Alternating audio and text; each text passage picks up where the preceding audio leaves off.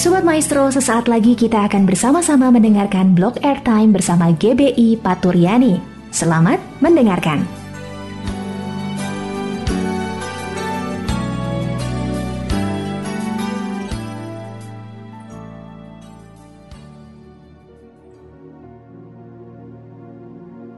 Shalom, Sobat Maestro yang diberkati Tuhan. Selamat sore. Kembali saya, Pendeta Pratama Yusuf Solid, mengajak seluruh sobat maestro di mana berada yang sedang mendengarkan program Suara Paturiani ini untuk sama-sama merenungkan firman Tuhan. Dan sebelumnya mari kita berdoa. Terima kasih Bapak yang baik, sertai kami Tuhan, berkati kami Tuhan melalui firman-Mu, ajar kami, beri hikmat marifat kepada kami Tuhan, agar kami memahami kehendak-Mu dalam hidup kami. Terima kasih Bapak, di dalam nama Tuhan Yesus, kami berdoa dan mengucap syukur. Haleluya. Amin.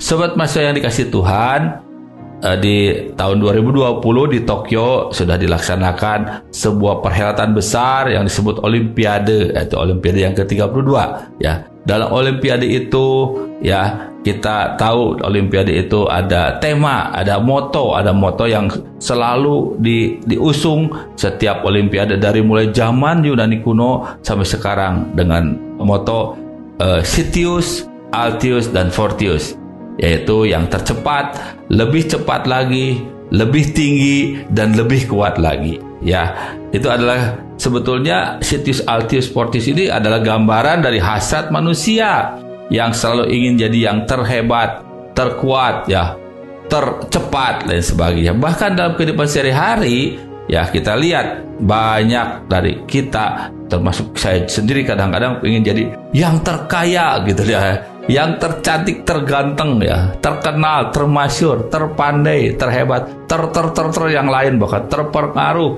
terpaling berpengaruh dan sebagainya ya.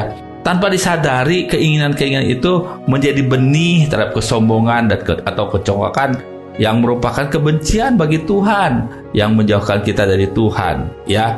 Uh, sobat masih yang dikasih Tuhan, Rupanya keinginan itu selalu ada dalam diri kita sebelum kita menyadari bahwa itu tidak baik buat penyataan kita kepada Tuhan. Kita lihat bukan kita saja, bahkan murid-murid Yesus pun sama-sama sampai bertengkar mereka untuk mempertanyakan siapa yang terbesar ya. Dalam Lukas 9 ayat 46 sampai 48 kita baca ya ayat 46-nya dulu ya maka timbullah pertengkaran di antara murid-murid Yesus tentang siapakah yang terbesar di antara mereka. Bahkan diulangi pada Lukas 22, terjadi lagi pertengkaran lagi. Lukas 22 ayat 24 berkata begini, terjadi juga pertengkaran di antara murid-murid murid Yesus, siapakah yang paling dianggap terbesar di antara mereka. Jadi, keinginan menjadi yang terbesar, terhebat, itu ada juga dalam pikiran uh, murid-murid Yesus karena mereka juga manusia sama. Ya bahkan ketika orang tua atau ibu dari Yohanes dan Yakobus dia memohon pada Tuhan. Dia minta sama Tuhan. Dia berkata begini berilah perintah supaya kedua anakku ini boleh duduk kelak di dalam kerajaanmu yang seorang di sebelah kananmu yang seorang lagi sebelah kirimu. Jadi ini adalah hasrat manusia pada kebanyakan. Dia ingin kita dirinya menjadi yang terhebat atau minimal anaknya menjadi yang terhebat. Dia ingin bahwa Yohanes dan Yakobus ada di samping kiri dan kanan Yesus. Mari kita dengar apa pendapat Yesus ya. Tadi kita kembali ke Lukas 9 ayat 47 sampai 48. Katakan begini, tetapi Yesus mengetahui pikiran mereka. Karena itu, ia mengambil seorang anak kecil dan menempatkannya di sampingnya. Dan berkata kepada mereka, barang siapa menyambut anak ini dalam namaku, ia menyambut aku. Dan barang siapa menyambut aku, ia menyambut dia yang mengutus aku. Ini ini ya eh, kesimpulannya. Karena yang terkecil di antara kamu sekalian dialah yang terbesar. Wow, luar biasa. Rupanya untuk menjadi besar itu Tuhan harus kita jadi seperti kecil gitu loh ya. Seperti anak kecil ya sebagainya. Bahkan dalam Yohanes 20 tadi ya dalam uh, percakapan dengan ibunya Yakobus dan Yohanes Yohanes 20 ayat 20 uh, 6 katakan begini, tidaklah demikian di antara kamu. Barang siapa ingin menjadi besar di antara kamu, hendaklah ia menjadi pelayanmu Dan barang siapa ingin menjadi terkemuka di antara kamu, hendaklah menjadi hambamu. Ya, sampai situ dulu ya.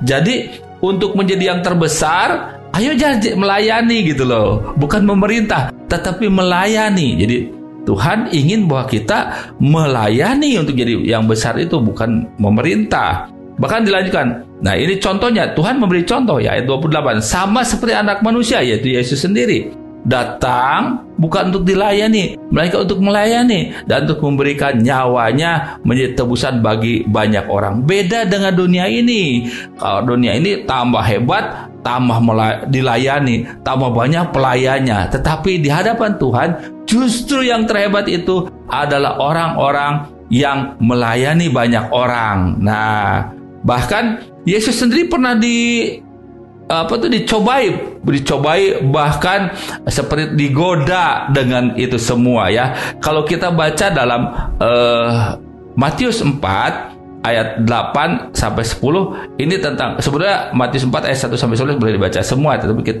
karena waktu kita baca yang 8 sampai 10 saja.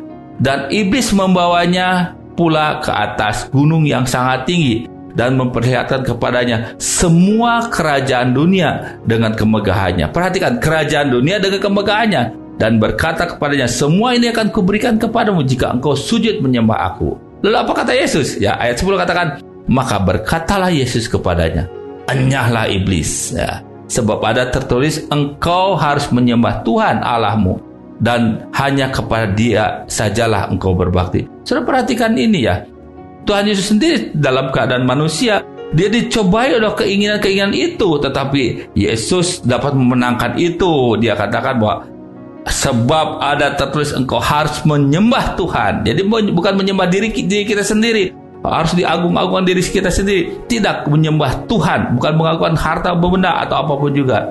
Dan selanjutnya dan hanya kepada dialah kepada dia sajalah engkau berbakti. Jadi Tuhan mau kita berbakti aja kepada Dia. Bahkan mau Tuhan Yesus bisa mengalahkan itu semua ya karena dia tahu kehendak Tuhan. Karena dia Allah sendiri, dia tahu kehendaknya dan dia tahu firman-Nya ya. Dan bahkan dalam 1 Petrus 5 ayat 5 sampai 7 berkata begini. Demikian jugalah kamu hai anak orang-orang muda, tunduklah kepada orang-orang yang tua dan kamu semua rendahkanlah dirimu seorang terhadap yang lain. Sebab Allah menentang orang yang cokak tetapi mengasihi orang yang rendah hati. Karena itu rendahkanlah dirimu di bawah tangan Tuhan yang kuat supaya kamu ditinggikannya pada waktunya. Serahkanlah segala khawatirmu kepadanya sebab ia yang memelihara kamu. Perhatikan ini ya Allah menentang orang yang congkak. Ah, congkak itu dari mana? Tadi ya.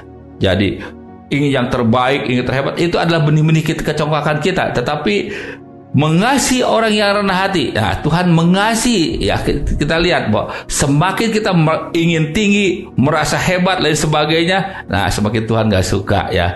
Dia menentang ya, menentang kita loh ya, ya. Tetapi mengasihi. Jadi kita akan dikasih kalau kita rendah hati ya. Makanya ayat 6 luar biasa. Rendahkan dirimu di bawah tangan Tuhan yang kuat. Ayo, siapa yang lebih kuat? Tuhan apa kita? Tuhan yang lebih kuat. Rendahkan hati kita di bawah tangan yang kuat. Dan dia yang akan meninggikan kita pada waktunya. Makanya kalau ada apa pun kekhawatiran kita ayat 7 serahkan segala khawatirmu takut nggak dianggap takut nggak dihargai itu serahkan pada Tuhan biar Tuhan yang memelihara kita haleluya mari kita berdoa Maha besar kau Tuhan kami syukur kepadamu. Ampuni kami Tuhan kalau sering kali dalam hati kami kami mengikuti suara-suara hati kami untuk menjadi yang terbesar, terhebat, tercantik, ter ter ter, ter yang lain Tuhan. Tapi sekarang Tuhan, biarlah kami boleh menjadi hambamu yang terrajin Tuhan. Hambamu yang terbaik Tuhan. Ah, hambamu yang merendahkan hati kami, hidup kami di bawahmu Tuhan. Biarlah rencanamu jadi Tuhan atas kami semua. Berkati sobat maestro di mana saja berada. Cukupi dengan kasih sayang dan kemurahanmu. Dengan kuasamu Tuhan. Haleluya. Haleluya. Di dalam nama Tuhan Yesus kami berdoa dan mengucap syukur. Haleluya. Amin.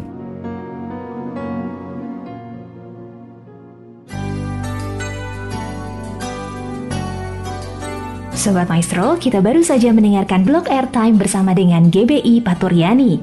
Terima kasih atas kebersamaan Anda. Tuhan Yesus memberkati.